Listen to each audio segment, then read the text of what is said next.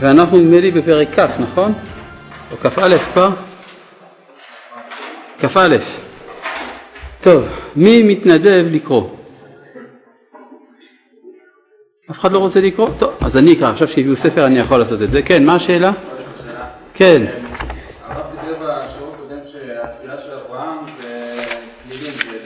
נכון. רציתי לשאול אם אה, אנחנו אמורים לקחת משהו בגישה הזאת לתפילה שלנו, או שאצלנו זה מאה אחוז רחמים.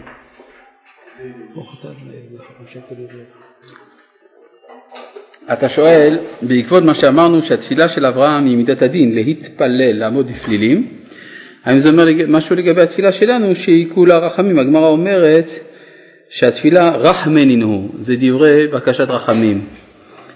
אין שום סתירה. כשאני מבקש רחמים אני עומד בדין. כי אני בא לבקש משהו שהוא שינוי משורת הדין. אז אני מבקש רחמים. כי לפי שורת הדין לא קיבלתי, ועכשיו אני בא לבקש שינוי. כל שינוי בדין נקרא רחמים. אבל בודקים אם אני ראוי, זה העמידה בדין, זה להתפלל. כך שאין פה שום סתירה בין שתי האמירות. טוב, אנחנו הגענו לפרק כ"א, איזה פסוק? מה? הגענו לפרק כ"א, איזה פסוק? א', בטוח? טוב. אם כך נתחיל את פסוק א'. אנחנו לומדים שכל הפרשה של וירא זה הלימוד של אברהם את מידת הדין, נכון? ואדוני פקד את שרה. כשאומרים ו' לפני י"ק ו"ק, מה מתכוונים? הוא ובית דינו. אז פה שוב מידת הדין מתערבת כדי להביא את אברהם לידי מידת הדין, להביא את מידת הדין לעולם. הצדיק של מידת הדין זה יצחק? בטוח? מסכימות? כן? בסדר. אז הצדיק של מידת הדין זה יצחק. אז כשהוא נולד, ברור שהוא ובית דינו והשם פקד את שרה. כאשר אמר, ויעש השם לשרה כאשר דיבר, אני חושב שלמדנו את כל זה, לא? לא, לא למדנו? טוב, בסדר. ותהר ותלד שרה לאברהם בן בזקוניו למועד אשר דיבר אותו אלוהים. ויקרא אברהם את בנו יצחק. אה, לא כתוב כך? כתוב הרבה יותר כבד. ויקרא אברהם את שם בנו הנולד לו אשר ילדה לו שרה יצחק. יותר כבד מזה אתה מת. מה זה המשפט הארוך הזה? כן, ויקרא אברהם את שם בנו הנולד לו אשר ילדה לו שרה יצחק. אלא מה? צריך לדעת לי איך לקרוא את הפסוק. אה, אולי צריך לקרוא את זה ככה, ויקרא אברהם את שם בנו. אז מי היה בנו? זה לא מה שכתוב, אני חוזר עוד פעם על הפסוק. ויקרא אברהם את שם בנו, אז מי זה בנו? שם. מצאנו שם כזה? מצאנו שם כזה, נכון? שם חם ויפת, נכון? אז אם כך, אברהם קרא את שם בנו. אז אם שם זה בנו של אברהם, מי זה אברהם? אה? נוח, נכון. הרי כל הזמן בפרשת נוח למדנו, כן, איש צדיק תמים היה בדורותיו, נחלקו רבותינו, אם זה לגנאי או לשבח. יש מי שאומר, אם היה בדורו של אברהם, היה יותר צדיק. ויש מי שאומר, לא, אם היה בדורו של אברהם, לא היה נחשב לכלום. מה, מה כל ההשוואות האלה לאברהם? כלומר בעצם אפשר לומר, נוח זה הגרסה הראשונה של אברהם. אברהם זה הנוח המושלם. ולכן, אם זה לא, לא הצלחנו להקים את אבות העולם מנוח, שם ועבר, אז אנחנו עושים גרסה משופרת, אברהם, יצחק ויעקב. יוצא לפי זה שנוח בא לידי השלמתו באברהם, אתם זוכרים את הפסוק שראינו בפרק ז' פסוק א', כי אותך ראיתי צדיק לפניי? נכון? זוכרים? שאמרנו שאברהם היה גנוז בתוך נוח, ואז יוצא שיצחק הוא שם, ויקרא אברהם את שם בנו. הנולד לו אשר ילדה לו שרה, הפעם זה שרה שילדה, אז קוראים לו יצחק, על שם הצחוק של שרה, מובן? זה מתאים מאוד לתורת הגלגול, גם בלי תורת הגלגול זה מתאים, עוד יותר טוב לפי תורת הגלגול. כן. האם מה שאמרתי על זה על דרך הפשט או על דרך מה? אינני יודע מה להגיד לך. הייתי אומר ככה, זה על דרך הרמז, זה מה שנשמע כך, אבל זה מה שנקרא הרמז המתבקש. כלומר, זה לא רמז במובן של בקשת אלגוריות, אלא הכתוב יש לו הקשרים אסוציאטיביים עבור הנפש דוברת העברית. כמובן איזו עברית? העברית המקראית. וכאשר העברי המקראי שומע שם, זה מצטייר אצלו בתור שורש הזהות הישראלית. עד כדי כך שאפילו הקדוש ברוך הוא נקרא בשם הזה. יענך השם ביום צרה, ישגבך שם, אלוהי יעקב. נכון? זאת אומרת, זה, מצט... זה מצטלצל, זה מתבקש כך. כן? אז אה, אני אמרתי שקוראים לזה רמז. השאלה היא מדוע אתה שואל עוד פעם. כן. טוב. ולמה קראו לו יצחק? על שם הצחוק של שרה, נכון? יש עוד מישהו שצחק, מי זה היה? אברהם. מאיפה ישמעאל צחק? לא, לא קראת עוד כלום פה. על אברהם צחק, נכון? כן או לא? בפרק י"ז, ויפול אברהם על פניו, ויצחק. ויאמר בליבו, הלבן מאה שנה ייוולד שרה בת תשעים שנה תלד. זאת אומרת שיש לנו פה כבר שני צוחקים, אברהם ושרה. יש פה צוחק שלישי, זה הבן. הבן נקרא יצחק. הוא לא נקרא צוחק, הוא נקרא יצחק. כלומר, הוא מבטא את הצחוק העתידי. כמה דעת אמרת? צוחק מי שצוחק אחרון. זה מפורש בספר משלי, ותשחק ליום אחרון. ואברהם בן מעט שנה בהיבד לעשה, וימול אברהם את יצחק בנו בן שמונת ימים כאשר ציווה אותו אלוהים, מידת הדין, כל, כל האווירה היא של דין, כן? ואברהם בן מעט שנה ויוולד לו את יצחק בנו. מה זה חשוב? זאת אומרת זה האדם המושלם. כדי להוליד צדיק של מידת הדין צריך להיות בן מאה. זוכרים למה, נכון? דיברנו על זה בהרחבה. אה? מה?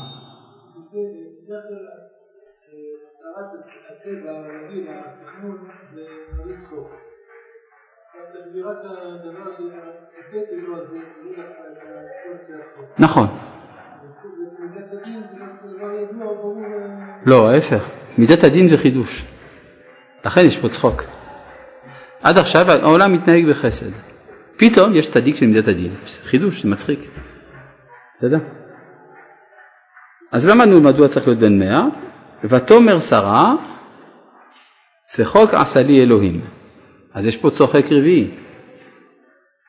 מי הצוחק הרביעי? אלוהים. כל השומע יצחק לי. יש פה כבר צוחקים חמישיים, כל העולם כולו. כן? ותאמר מי מילא לאברהם מניקה בנים שרה כי ילדתי בן לזקונה ויגדל הילד ויגמל ויעש אברהם משתה גדול ביום יגמל את יצחק. זאת אומרת יש פה צחוק גדול. יש צחוק של אברהם, צחוק של שרה, צחוק של יצחק, צחוק של הקדוש ברוך הוא, צחוק של העולם כולו. חמישה גורמי צחוק יש כאן. אני עוד לא יודע למה זה חשוב להדגיש. בינתיים אני מתוודע. אולי בהמשך אני אבין למה. ואברהם עושה משתה גדול. אז ותרא שרה את בן הגר המצרית אשר ידלה לאברהם מצחק. כלומר, מה אמר לעצמו ישמעאל? אמר לעצמו, טוב, זה מה שהולך היום, נכון? זה האווירה, זה, זה, זה האופנה, אז גם אני אנסה. זה אולי מסביר מדוע זה מוזכר. כן? כלומר, הישמעאל אומר, עכשיו האווירה היא הצחוק. זה הנהגה בעולם, אפילו הקדוש ברוך הוא צוחק. אז גם אני אצחק. ותאמר לאברהם, גרש האמה הזאת ואת בנה, כי לא יירש בין האמה הזאת עם בני. עד כאן הייתה צריכה לדבר. אבל היא הוסיפה עוד שתי מילים מוזרות עם יצחק. למה קוראים לבן שלך יצחק? כי את צחק, אז מה אתה עושה בעיות מזה שאנשים צוחקים? קבעו משהו לא מובן.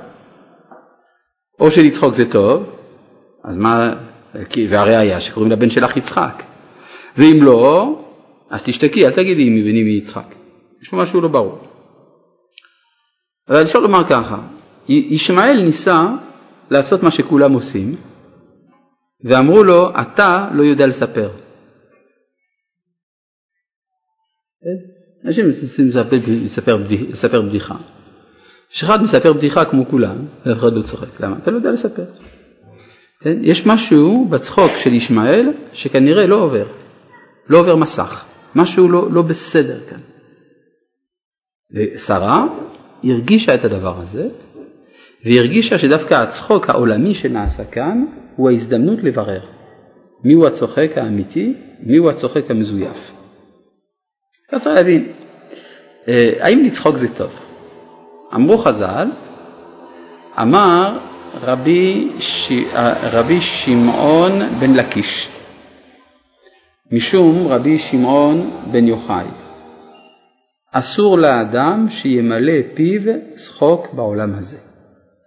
שנאמר, אז ימלא שחוק פינו. זאת אומרת שבעולם הזה אתה לא יכול למלא את הפה שחוק. זאת אומרת, האם הצחוק הוא שלילי? לא. הצחוק נשמר לעתיד לבוא. עכשיו צריך להגיד מה זה הצחוק. הצחוק זה הרבה יותר משמחה. כן? אפשר להגיד ככה, יש שלוש מדרגות בזה, ששון, שמחה, צחוק. ששון דומה לכוס שהולכת ומתמלאת, שופכים מהבקבוק לתוך הכוס, זה ששון. כמו דבר כלומר, אני רואה שעוד מעט יהיה לי מה שאני רוצה. אני שש. הוא שש אלי קרב. כשאדם שש אלי קרב, או כמוצא, שש אנוכי על אמרתך כמוצא שלל רב, האדם עוד לא מימש את הדבר שמשמח אותו, אבל הוא שמח כי הוא עתיד להשיג משהו. הוא בדרך אל, זה הששון. מתי יש שמחה? כשאדם השיג. זה כמו שהכוס מלאה ורוויה על כל גדותיה. אם ממשיכים אחרי שהכוס מלאה, ממשיכים לשפוך. אז מה יש? זה כבר צחוק. זה כבר מעבר למה שאני יכול לשאת. כלומר, הצחוק מרים את, את הגוף שלי מעבר ליכולת הקיבול. זה יוצא מן החוק. זה חוק. מעבר למה שאני יכול. זה פורץ. לא שכחתי, אני פשוט לא הספקתי עדיין. אה, טוב, אה, זה אה, יוצא מן החוק. עכשיו, האם אפשר, כלומר, אז זה שהצחוק בא כאשר העולם מושלם מאוד. עכשיו, האם העולם, האם העולם מושלם? בניגוד לדעת הגשש, העולם לא מצחיק. שהרי תפתח עיתון, תשמע רדיו, תראה טלוויזיה, אתה רואה שהעולם לא מצחיק. אז איך אפשר לצחוק בעולם הזה? כאילו שהעולם מושלם. אבל מצאנו שהצדיקים צוחקים. למה הם צוחקים? כי הם רואים את העתיד. לכן הצדיק האולטימטיבי נקרא יצחק, שם העתיד. אבל ישמעאל מצחק בהווה. זה אגב בפיאל, לא בקל, לא כתוב צוחק, אלא מצחק, שזה הדגשה של הצחוק. וזה כנראה בגלל שהוא מרוצה ממצב העולם. מי שמרוצה ממצב העולם זה רשע. זה ציניות. איך אתה יכול להיות מרוצה? אם אתה צוחק על מה שאתה רואה, את המגמה העתידית, הצחוק הגדול שיהיה, אז בבקשה, אבל לצחוק עכשיו. על, על מה שקורה עכשיו, זה נורא. בעצם הצחוק של ישמעאל מעכב את העולם מההתפתחות שלו. יש פה גסות רוח של ישמעאל. כן?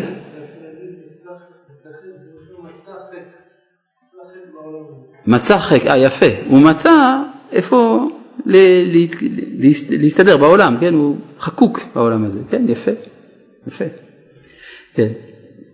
אז זאת אומרת שה... ששרה הבחינה שיש פה משהו שצריך פה בירור. עכשיו צריך להבין שכנראה כשיצחק אבינו נולד הייתה איזה מין השתקפות, איזה מין התרמה של העולם העתידי. הרי כתוב בפסוק ז', ותאמר מי מילל לאברהם העניקה בנים שרה. לכאורה היא לא העניקה בנים, היא העניקה בן. יש רק בן אחד, לא שמענו על עוד בנים של שרה. אלא העניקה בנים שרה, אז יש איזה מדרש כזה, שכאשר אברהם עשה את, ה, את, ה, את הסעודה הגדולה לכבודו של יצחק, אז כל העולם אמר, אה, זה לא הבן שלו. הוא לקח איזה אסופים מן השוק, לקח איזה ילד ככה שעזבו אותו ברחוב, אמר זה הבן שלי. והיא בוודאי לא יכולה להעניק, היא עושה כאילו שהיא מניקה, היא לא מניקה. ואז, וכל מלכי העולם היו שם, מלכי כנען ודאי הגיעו לסעודה הגדולה, ובאו עם נשותיהם ועם תינוקיהם. ונעשה נס שפתאום כל מלכות העולם לא יכלו להעניק, וכל התינוקות התחילו לבכות. ואז לא הייתה ברירה, ביקשו משרה להעניק אותם, העניקה בנים שרה. אבל באיזה יום זה היה? ביום שבו נגמל יצחק.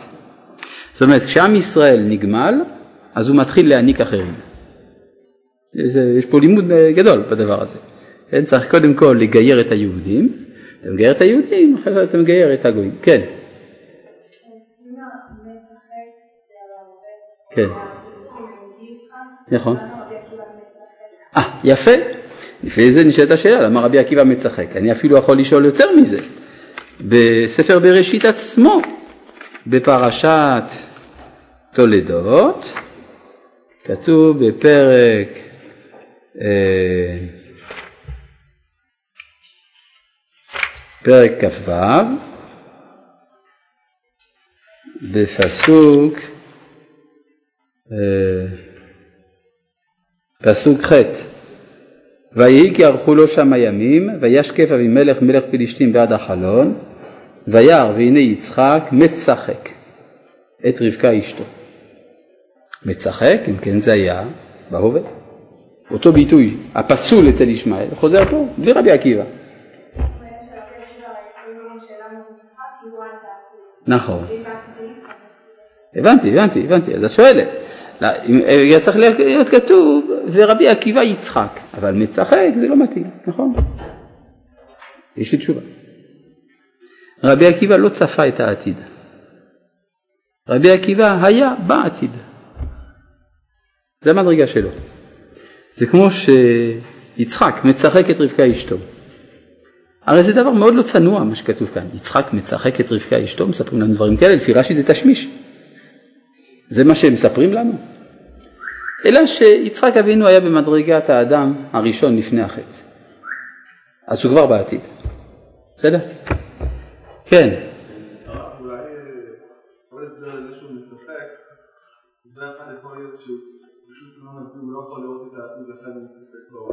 יכול להיות.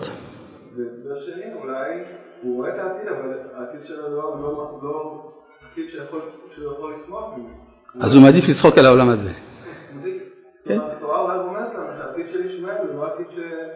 שני ההסברים שלך מוצאים חן בעיניי, אני אחזור עליהם בקצרה.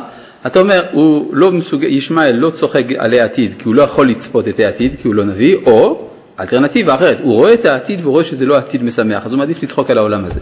בסדר? שני ההסברים דווקא מוצאים חן בעיניי. טוב, שלום, אם יש ציווי לא למלות פינוס בשחוק, סימן שהדבר הוא בר השגה כבר כעת, כלומר שהתנאים של אז ימלא כבר קיים, אין זו תרתי דסיטרא?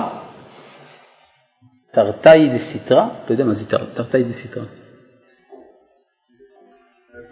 טוב, לא יודע, הוא התכוון בטח למשהו אחר, לא משנה, בכל מקרה, אני לא בדיוק מבין מה זה תרתי דסיטרא, אבל אה, ברור אה, שזה לא נכון. כלומר, אדם יכול למלא פיו שחוק אם הוא יתעלם מן המציאות. עוד שאלה, אז ימלא שחוק פינו. על פי הפסוק, על פי הפסוק מדבר על שיבת ציון. האם זה מתי שכיסחנו לישמעאל את הצורה במלחמת ששת הימים ואנחנו הצוחקים האחרונים כנקמה לכל מה שהוא עשה לנו בגלות? תראה, קודם כל, אם כבר לכסח אז כותבים בכף ולא בקוף. זה ברייתא מפורשת במסכת מועד קטן. אבל, נאמר את זה אחרת, יש אה, מקום שבו היהודים רגילים להתפלל, הכותל המערבי. ובמשך דורות רבים הלכו שם היהודים לבכות, נכון? כלומר, התפילה של היהודים זה תפילה של בחייה. מתי היהודים היו שמחים? כשהם למדו תורה. לימוד התורה זה משמח. התפילה זה בכי.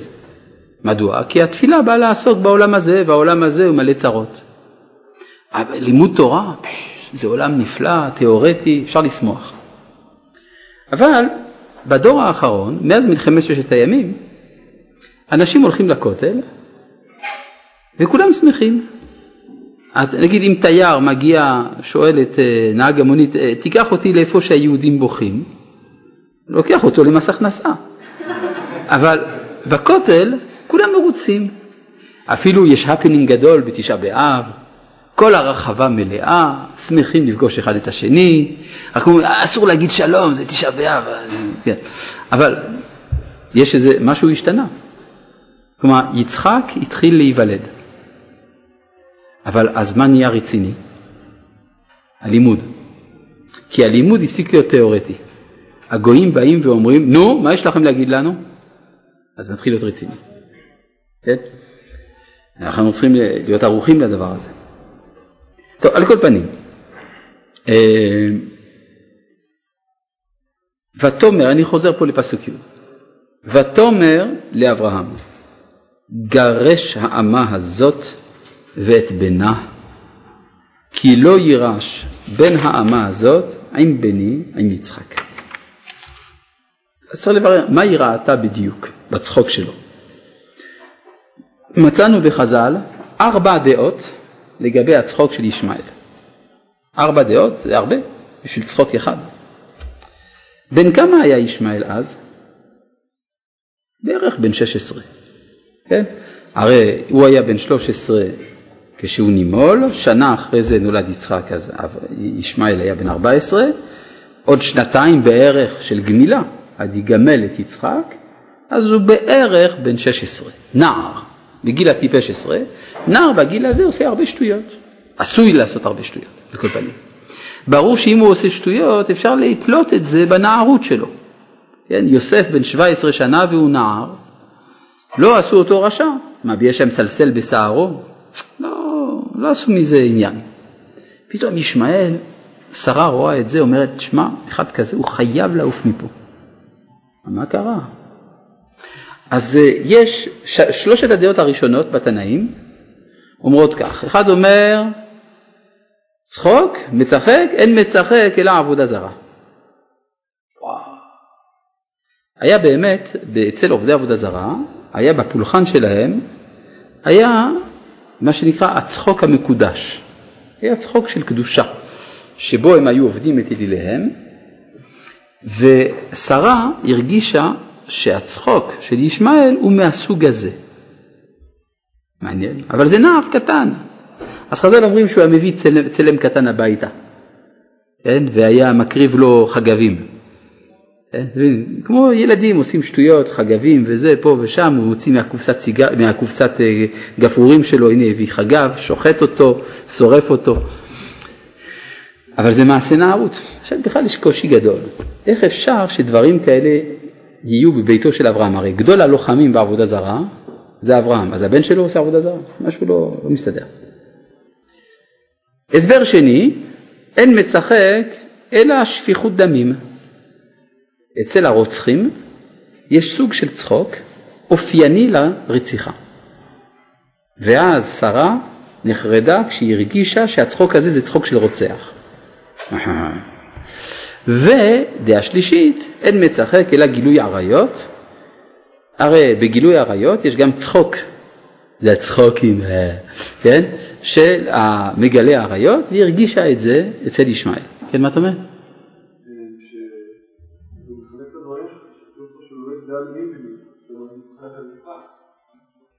לא, לא כתוב שלא יגדל עם בני. לא יירש. לא כתוב לא יגדל. לא כתוב לא יגדל. לא כתוב לא יגדל. אמרת שהיא אמרה לא יגדל עם בני, לא כתוב כאן לא יירש. מה? רגע, אבל אתה אמרת שהיא אמרה לא יגדל. נכון. אז זה באמת אם היה כתוב יגדל, אתה צודק, אבל זה לא מה שכתוב, כתוב לא יירש. כנראה שהבעיה שלה זה לא ההווה אלא העתיד. אז באמת כאן מגיעה הדעה הרביעית של רבי שמעון בר יוחאי. רבי שמעון בר יוחאי הוא תלמידם של שלושת התנאים שאמרו את הדעות האלה שהזכרנו כאן, של עבודה זרה, שפיכות דמים וגילוי עריות. ורבי שמעון לא מסכים עם גדולי התנאים. הוא אומר, הם מפרשים לגנאי ואני מפרש לשבח. מעניין, מה השבח שהוא מצא? שישמעאל רצה את הירושה של אברהם, וזה, וזה הצחוק שלו זה שהוא היה אומר, אני בכור ונוטל פי שניים. והראיה שמביא רבי שמעון זה מההמשך, כי לא יירש. כלומר, על זה הם רבו, על ירושת אברהם. ומהי הירושה של אברהם? אה? הארץ, ארץ ישראל. כלומר, המאבק היה על ארץ ישראל. וזה לשבחו של ישמעאל שהוא רוצה את ארץ הקודש. כן, מה אתה אומר? מה עם פירוש הפשט? מה שאומר, משלי, אם מצחק קמי, על אדם שעושה שטויות ומסכן את הבריות, ואחרי זה פוגע בהם, הוא אומר רק צחקתי. כן, אז זה בדיוק ההסבר גם של רבי שמעון בר יוחאי, שהיה כדי לריב עם, ישמעאל, עם, עם יצחק, יש בעיה לישמעאל. הרי איך הוא יכול לומר שהוא בכור? הרי זה שטויות, הוא בן השפחה, נכון? בן השפחה הוא רק בן שפחה, גם אם הוא נולד ראשון הוא לא יורש. אבל מה האווה אמינא שישמעאל יירש? אם יצחק לא ייוולד. אבל אם יצחק נולד, זה דוחה אותו להיות בן השפחה. עכשיו יוצא לפי זה שמצד האמת ישמעאל לא יכול לדבר עם יצחק כי עצם הפתיחת הפה אפילו כדי להגיד לו אתה איכסה אפילו האמירה הזאת היא כבר הכרה בקיומו של יצחק והפיכתו לבן השפחה. לכן חז"ל אמרו שהוא היה עושה משהו אחר היה זורק אבנים בכיוון של יצחק ואומר לא שמתי לב מצחק אני. כלומר הוא צריך להתנהג כאילו שיצחק לא קיים. אם יצחק לא קיים, אז יש לגיטימיות לזהות של ישמעאל בתור היורש של אברהם. זה קשור למה שאתה אומר. כלומר זה אותו פירוש כמו רבי שמעון בר יוחאי בסופו של דבר. עכשיו, אה, צריך להבין מה הביא את רבי שמעון בר יוחאי לדחות את דברי קודמיו. כלומר זה שהוא רוצה לומר שהוא רוצה את הירושה בסדר, אבל למה לדחות את ההסבר של מצחק, של עבודה זרה, גילוי עריות, שפיכות דמים? ההסבר הוא פשוט, מה שאמרנו מקודם. לא ייתכן שנער בביתו של אברהם יחטא ברצינות בשלושת העבירות האלה. אז למה הם פירשו ככה? כי כנראה החז"ל הבינו שיש בהיסטוריה של ישמעאל שתי תקופות. יש תקופה שבה הוא בבית אברהם ויש תקופה שהוא מחוץ לבית אברהם. ובאמת כך קרה לישמעאל ההיסטורי, ישמעאל בנו של אברהם. חלק מחייו בבית אברהם, חלק מחייו מחוץ לבית אברהם. וכשהוא מחוץ לבית אברהם, ברור שהוא נוהג בעבודה זרה, בשפיכות דמים ובגילוי עריות. עכשיו, מבחינת ההיסטוריה של בני ישמעאל, אנחנו רואים שתי תקופות מעניינות. התקופה בערך שוות באורכן, בינתיים עד עכשיו. התקופה הראשונה שהמוסלמים מכנים אותה אל-ג'היליה, כלומר התקופה של הבערות, לפני האסלאם, אז התקופה הזאת הייתה תקופה שבה הם היו עובדי עבודה זרה, שופכי דמים ומגלי עריות. זה היה הנורמה אצלם. וזה שלושת החטאים שהתנאים ראו. אבל אחר כך הגיע מישהו ממכה והוא אמר להם לחזור בתשובה ולחזור לאלוהי אברהם. והם הסכימו. אז זה מה שרבי שמעון בר יוחאי אומר. כלפי אלוהי אברהם הם בסדר, לכן אתם לא יכולים להגיד שהם עובדי עבודה זרה שהופכים להם גולי עריות. אז מה הבעיה?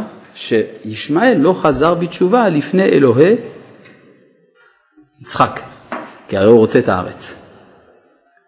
יוצא שפה מדובר לא על מחלוקת באמת, אלא על דיון לגבי אופיו של אותו ישמעאל, האם הוא היה כישמעאל שבבית אברהם או כישמעאל שמחוץ לבית אברהם. האם הוא חוטא כלפי אלוהי אברהם או שהוא חוטא כלפי אלוהי יצחק. מובן? כן. באמת. אתה אומר שגם אחרי שמוחמד הגיע, הם המשיכו לשפוך דמים ולגלות עריות, נכון? אמנם עבודה זרה הם הפסיקו, אבל המשיכו עם שפיכות דמים וגילוי עריות. אז אם כן אתה אומר, אז מה זה חזרה בתשובה? התשובה היא, לא נכון, הם הפסיקו גם את זה. כלומר, האסלאם הוא דרישה כקבלה שלא לעבוד עבודה זרה, לא לשפוך דמים ולא לגלות עריות. שלושת הדברים האלה. עכשיו, כשבכל זאת הם ממשיכים לעשות את זה, זה מצד יצר הרע, זה לא מצד קבלתם. לפני כן זה היה נורמה, זה בסדר. אחר כך זה הופך להיות מצד עבירה על הדת, זה משהו אחר לגמרי. לכן אה, אפשר לומר, אגב כשמוסלמי הוא צדיק לפי האסלאם אז הוא צדיק באמת, כן? רק שזה לא תמיד עובד. כן, מה אתה אומר? זהו, ישמעאל חזר בסוף ימיו בתשובה אמרו חז"ל. מאיפה חז"ל לקחו את זה שהוא חזר בתשובה? ויקברו אותו יצחק וישמעאל בניו, שהוא הקדים את יצחק לפניו בהלוויה של אברהם. זאת אומרת שחזר בתשובה לארץ. עכשיו יש פה בעיה, אנחנו לא יודעים איך הוא חוזר בתשובה. כי הרי אין אף פעם דיבור בינו לבין יצחק. כלומר, בין יעקב לבין עשיו יש דיאלוג. מצאנו במהלך ההיסטוריה, ההיסטוריה דיאלוג יהודי נוצרי, לא נעים, אבל היה. אבל בין היהדות לבין האסלאם מעולם לא התקיים דיאלוג. אז איך הוא חוזר בתשובה? כן, אז מצאנו אצל אימא שלו, כן, שובי אל גבירתך, זה תשובה, והתעני תחת ידיה, ארבע הרבה את זרעך.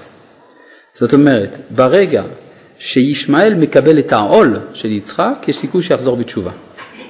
עכשיו, מאז מלחמת ששת הימים, מה שאחד השואלים כינה בשם, איך הוא קרא לזה? כיסוח, אבל הוא כתב את זה בקוף, אז זה ודאי לא נכון, כן? אז אה, השואל שדיבר על כיסוח, מתאר איזו עובדה חד, חדשה בתולדות האסלאם. מלחמת ששת הימים יצרה את המצב שבו לראשונה ישמעאל נתון תחת עול גלות, ולא סתם עול גלות אלא של ישראל, של יצחק בעצם. וזה עשוי להוות שינוי. זה לא כל כך פשוט. עד עצם היום הזה ישמעאל עושה הכל כדי לקבל מדינה לא מיצחק. כן? כלומר זה מאוד מאוד חשוב. כלומר אנחנו רואים עד כמה שזה מושרש בתיאולוגיה, שחייב להיות שפתרון הסכסוך המזרח תיכוני יבוא על ידי, על ידי הקהילייה הבינלאומית וללא הכרה של מדינת ישראל. זה מאוד מאוד חשוב, כי ישראל לא יכולה להיות קיימת. אם עם ישראל קיים, אז ישמעאל חוזר להיות בן השפחה. מובן? יש פה שתי הערות. שלום, אולי בגלל זה האיראנים וכל שונאי ישראל מכנים את ישראל בשם הכובש הציוני ולא בשם ישראל, זה נכון? באמת, היה חבר כנסת מרושע בשם אה, עזמי בשארה, יימח שמו טפו עליו, והוא אה, אמר, פעם התראיין לעיתונות הישראלית, הוא אמר דבר מאוד מעניין. הוא אמר לעיתונאי הישראלי, כלומר כשאני אומר עיתונאי ישראלי זה בהגדרה מי שלא יודע שום דבר על אסלאם, הוא אומר לו, אתה יודע, זה כולם יודעים שאין דבר כזה העם היהודי שזה המצאה של הציונים. אז העיתונאי הישראלי נופל מהכיסא, אומר, אבל, אבל יש דבר כזה העם היהודי, לא? ואומר לו, מה פתאום, זה המצאה של הציונים, אתה לא יודע? ברור, כלומר, זה, זה מאוד אה, מעניין. אגב, היום יש תזה שמתהלכת בציבור המוסלמי, מעולם לא היה מקדש בחרם השריף. ומה ההוכחה שלא היה מקדש ליהודים שם? שהרי מסגד אל-אקצא קיים שם כבר שבעת אלפים שנה לפני בריאת העולם. אז איך אפשר היה לבנות שם מקדש? ראיה טובה, לא? כן, מה אתה אומר? האם זה נכון לפנות אליהם ולנסות ללמד אותם את? אתה יודע, אתה מזכיר לי אה, פעם מישהו שאל את הרב צבי יהודה קוק, האם לא צריך לחנך את הערבים? ואז הוא ענה, ביטוי אה, לא פוליטיקלי קורקט בכלל, אמר, כן, אני מחנך אותם בטנקים.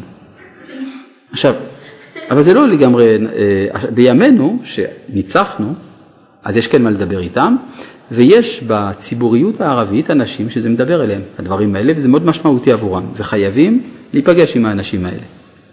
אני לא יכול לספר כל הדברים ש... שיצא לי לראות בדבר הזה, אבל זה בהחלט קיים. כי אפשר לומר אפילו ה... האגרסיביות הנוראה של, של החמאס, המתאבדים, האגרסיביות הזאת היא ניזונה גם מן החשש. שמא ישראל זה באמת ישראל. אז הם עושים הכל לומר לא לא זה בעצם אמריקאים עם כיפה. אבל הם יודעים שזה לא נכון, באיזשהו מקום, כן? אולי אנחנו עוד לא יודעים, אבל uh, הם יודעים, כן. הרב, אני מנסה להבין את ההיגיון שעומד מאחורי, אה, קצת לא קשור עכשיו לנושא אני מנסה להבין כאילו את תורת החינוך יותר, כאילו, איפה מצאנו שבן ממש בעט לאבא של עצמו? הרי אברהם, הוא סימל משהו מסוים, והבן שלו ממש אה, עשה הפוך ממנו. לא. ישמעאל לא עושה הפוך מאברהם, הוא עושה הפוך מיצחק. אה, זה כן, זה כן. ממש אה, נגד החינוך. כן, אבל זה בדיוק נגד החינוך, אבל אתה יודע, כל פסיכואנליסט יודע שהבן רוצה לעשות הפוך מאביו. יש גמרא שאומרת שאינה דומה תפילתו של צדיק בן צדיק לתפילתו של צדיק בן רשע. אז אה, הרב אשכנזי היה רגיל לומר, מדוע צדיק בן צדיק התפילה שלו נענית יותר? בגלל שאם הצדיק הזה הצליח להיות צדיק למרות שאבא שלו צדיק, זה סימן שהוא צדיק באמת. אבל? שלום הרב, הרי מצוות הג'יהאד כולה שפיכות דמים, ובכלל ידועה הסיסמה, אסלאם בחרב. כן, אבל מצוות הג'יהאד, עם כל הברבריות שלה, היא מכוונת כנגד עובדי עבודה זרה, וזה אחת משבע מצוות בני נוח, שלא לעבוד עבודה זרה ולדון אותם. אבל הם עשו את זה בצורה ממש לא, לא, מוצא, לא סימפטית. אם כך, איך נסביר את עניין מלחמת יום הכיפורים? זאת אומרת, איך נסביר את עניין מלחמת יום הכיפורים? הם עשו מלחמה, זה נכון, זה ממש לא היה בסדר. טוב, אה, אז אני חושב שהדברים עכשיו יותר ברורים, כן? מהו הצחוק של ישמעאל. עכשיו, מה שמעניין מאוד, אה, מהי התגובה של אברהם לכל הסיפור הזה. כן? שרה אומרת, הפעם זה לא עובר, כן? אני לא מוותרת, תזרוק אותו. עכשיו, מה היא אומרת על ישמעאל? מי הוא לדעתה? פסוק י' ותאמר לאברהם גרש האמה הזאת ואת בנה. אז מי הוא ישמעאל? הוא הבן של האמה. האם היא מזכירה איזשהו קשר בין הילד הזה לבין אברהם? לא. כלומר, הקורא התמים לא יודע שמדובר בבן של אברהם, נכון? עכשיו היא מוסיפה, כי לא יירש בן האמה הזאת עם בני עם יצחק. מי הוא יצחק עבור שרה? הבן שלה. האם מוזכר קשר כלשהו בין הבן הזה לבין אברהם? יוצא שלאברהם אין בנים. פשוט, לאמה יש בן, לשרה יש בן, אברהם נשאר בלי בנים. פסוק י"א: וירא הדבר מאוד בעיני אברהם על אודות בנו. על מה הוא מדבר? מי זה בנו? ישמעאל. יוצא לפי זה שיש מחלוקת בין שרה לבין אברהם מיהו הבן. אברהם אומר הבן זה ישמעאל, שרה אומרת הבן זה יצחק. ואם האחד הוא הבן אז מי הוא השני? הוא נער, הוא סתם זרע. ויאמר אלוהים אל אברהם אל ירע בעיניך על הנער ועל אמתיך. כל אשר תאמר אליך שרה שמע בקולה כי ביצחק יקרא לך זרע. זה נער, תעזוב אותו. וגם את בן האמה לגוי ישימנו כי זרעך הוא. אז תחליט, זה זרע וזה זרע בסוף. כן, אבל זה, לא אמרנו מי הבן. ברור שיש אחד שהוא נער והשני זרע, למרות שגם הנער הוא זרע. כלומר זה פה אה, טשטוש, אה, אה, טשטוש מכוון. לא ברור עדיין מיהו הבן. זה לקח הרבה מאוד זמן עד שאברהם הסכים שיצחק הוא הבן, ודאי לא בפרק הזה. כן, בבקשה. למה שרה אומרת לו בנך יצחק? וזה הוויכוח. היא לא אומרת בנך יצחק, בגלל שהיא לא יכול, היא יודעת שאברהם לא רואה בו עדיין בן. ברור? כלומר, אם היית שואל את אברהם, את מי אתה מעדיף כהמשך? אתה מעדיף את ישמעאל או את יצחק? מה, יצ... מה, מה אברהם היה עונה? ישמעאל, כמובן. מדוע? בגלל שישמעאל דומה לו. הרי ישמעאל הוא בעל מידת החסד, כמו אברהם. יצחק זה מידת הדין, זה אנטיתזה של אברהם. נכון, יצחק צדיק כמו אברהם, וישמעאל רשע, אבל הוא רשע של מידת החסד. זאת אומרת שברגע שישמעאל יעשה תשובה, כי הרי להיות רשע או צדיק זה עניין של בחירה. ברגע שישמעאל יחזור בתשובה, הוא יהיה כאברהם. והאדם אוהב את הדומה לו, אוהב את עצמו, אז הוא רוצה מה שדומה לו. כל הרופאים רוצים שהבן שלהם יהיה רופא, כל הרבנים רוצים שהבן יהיה רב.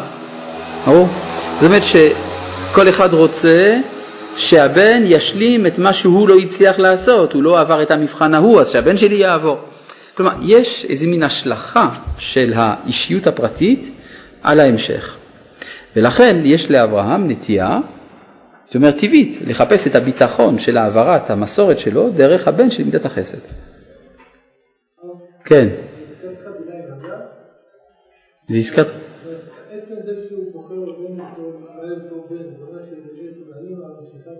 כן, זה גם דבר אישי כלפי... נכון, ברור, ברור. פסוק י"ד וישכם אברהם בבוקר.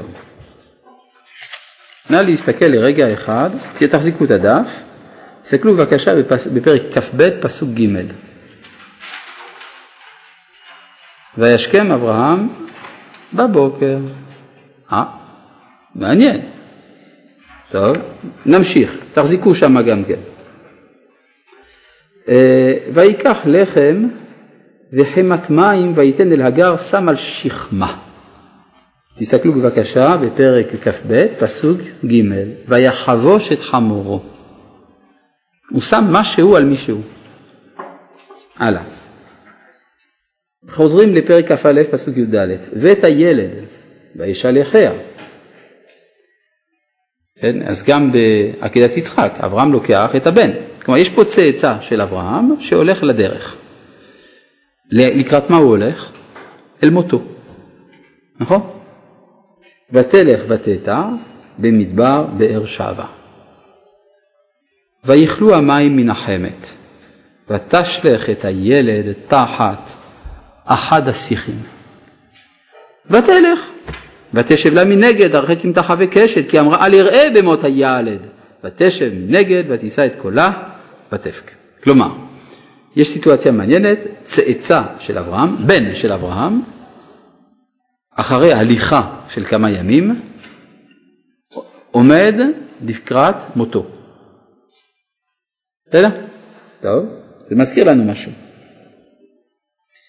וישמע אלוהים, הרי מי בכה שמה? האם, נכון? הגר, הגר בכתה. וישמע אלוהים את כל הנער.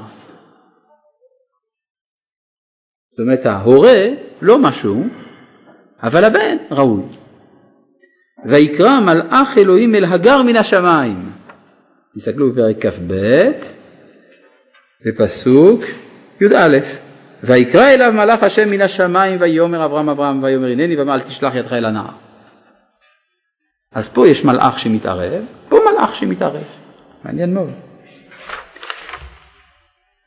ויאמר לה מה לך הגר מה אל תראי כי שמע אלוהים אל כל הנער באשר הוא שם קומי שאי את הנער והחזיקי את ידך בו כי לגוי גדול אשימנו תסתכלו בבקשה בפרק כ"ב פסוק י"ז כי ברך אברכך וארבע הרבה זרעך ככוכבי השמיים וככל אשר עשת הים כן? אני לא יודע מה אני מכוון, אני יודע רק לקרוא בשלב הזה. פסוק י"ט ויפקח אלוהים את עיניה ותראה באר מים ותלך ותמלא את החמת מים ותשק את הנער.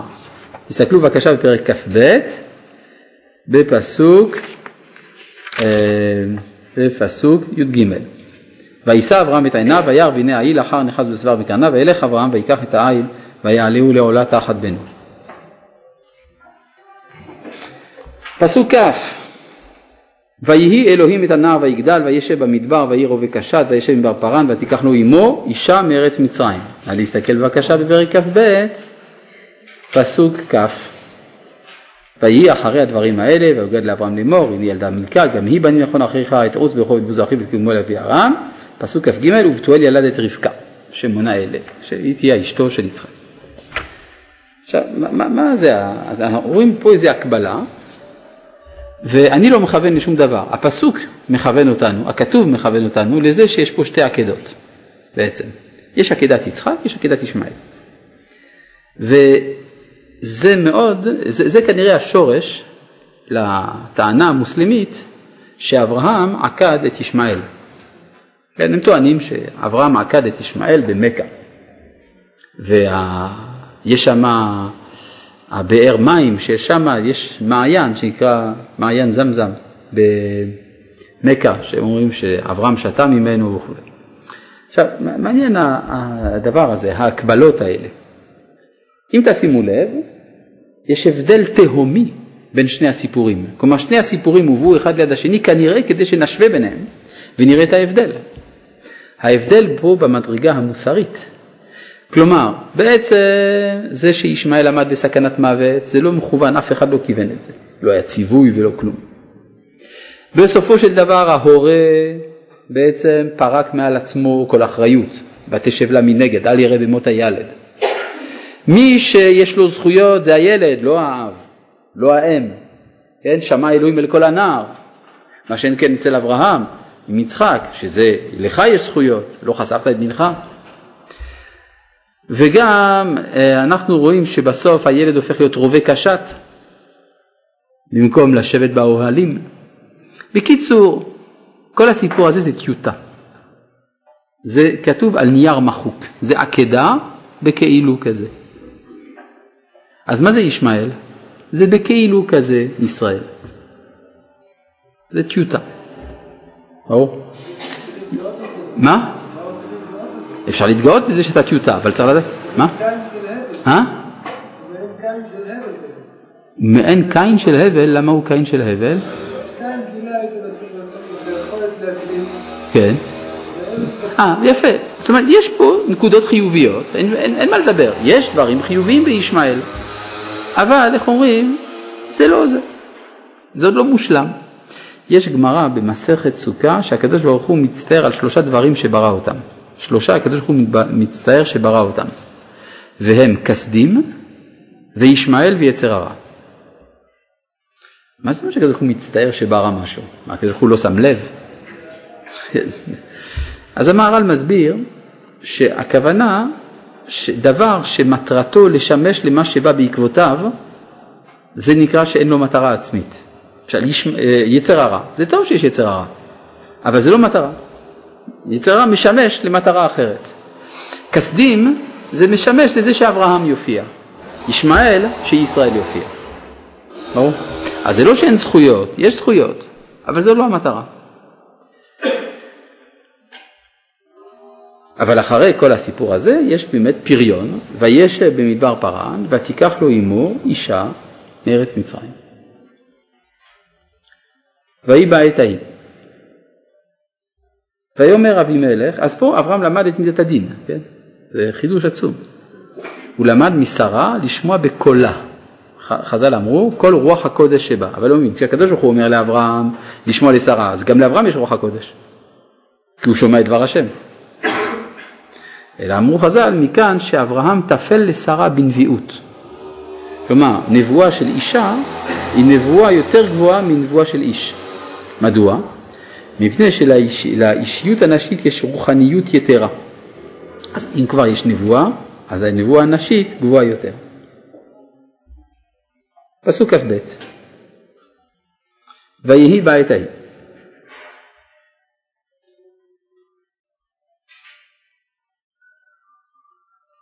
ויהי בעת ההיא ויאמר אבימלך ופיכול שר צבאו אל אברהם לאמור אלוהים עמך בכל אשר אתה עושה ועתה אישה ועלי באלוהים הנה אם תשקור לי ולניני ולנכדי כחסד אשר עשיתי עמך תעשה עמדי ועם הארץ אשר גרת בה.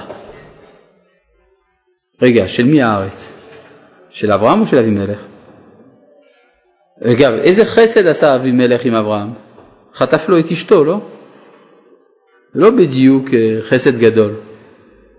כלומר, בקיצור, אבימלך מציב את הנתונים באור אחר ממה שהם באמת. ויאמר אברהם, אנוכי אשבע. וזו התגובה הזאת. אברהם שמע שאבימלך רוצה לעשות שלום. את אברהם זה קונה. מיד יישבע. והוכיח אברהם את אבימלך על אודות באר המים אשר גזלו עבדי אבימלך.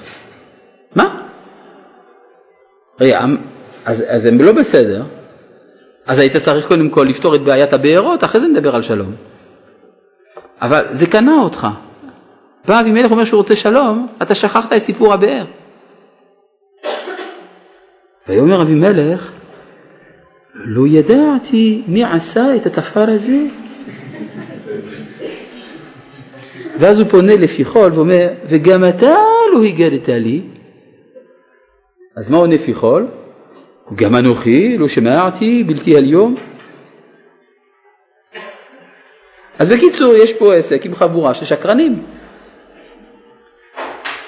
מה, מה, מה עושה אברהם בעקבות השקר הזה? ויקח אברהם צאן ובקר וייתן לאבימלך ויכרתו שניהם ברית. כלומר, צריך לעשות מחוות כדי לקדם את העניינים. מי עושה את המחווה אגב? צד האחד. כן, מי נותן את הכבשות? אברהם, כן, מה אתה אומר? כאילו, נכון, נכון, נכון.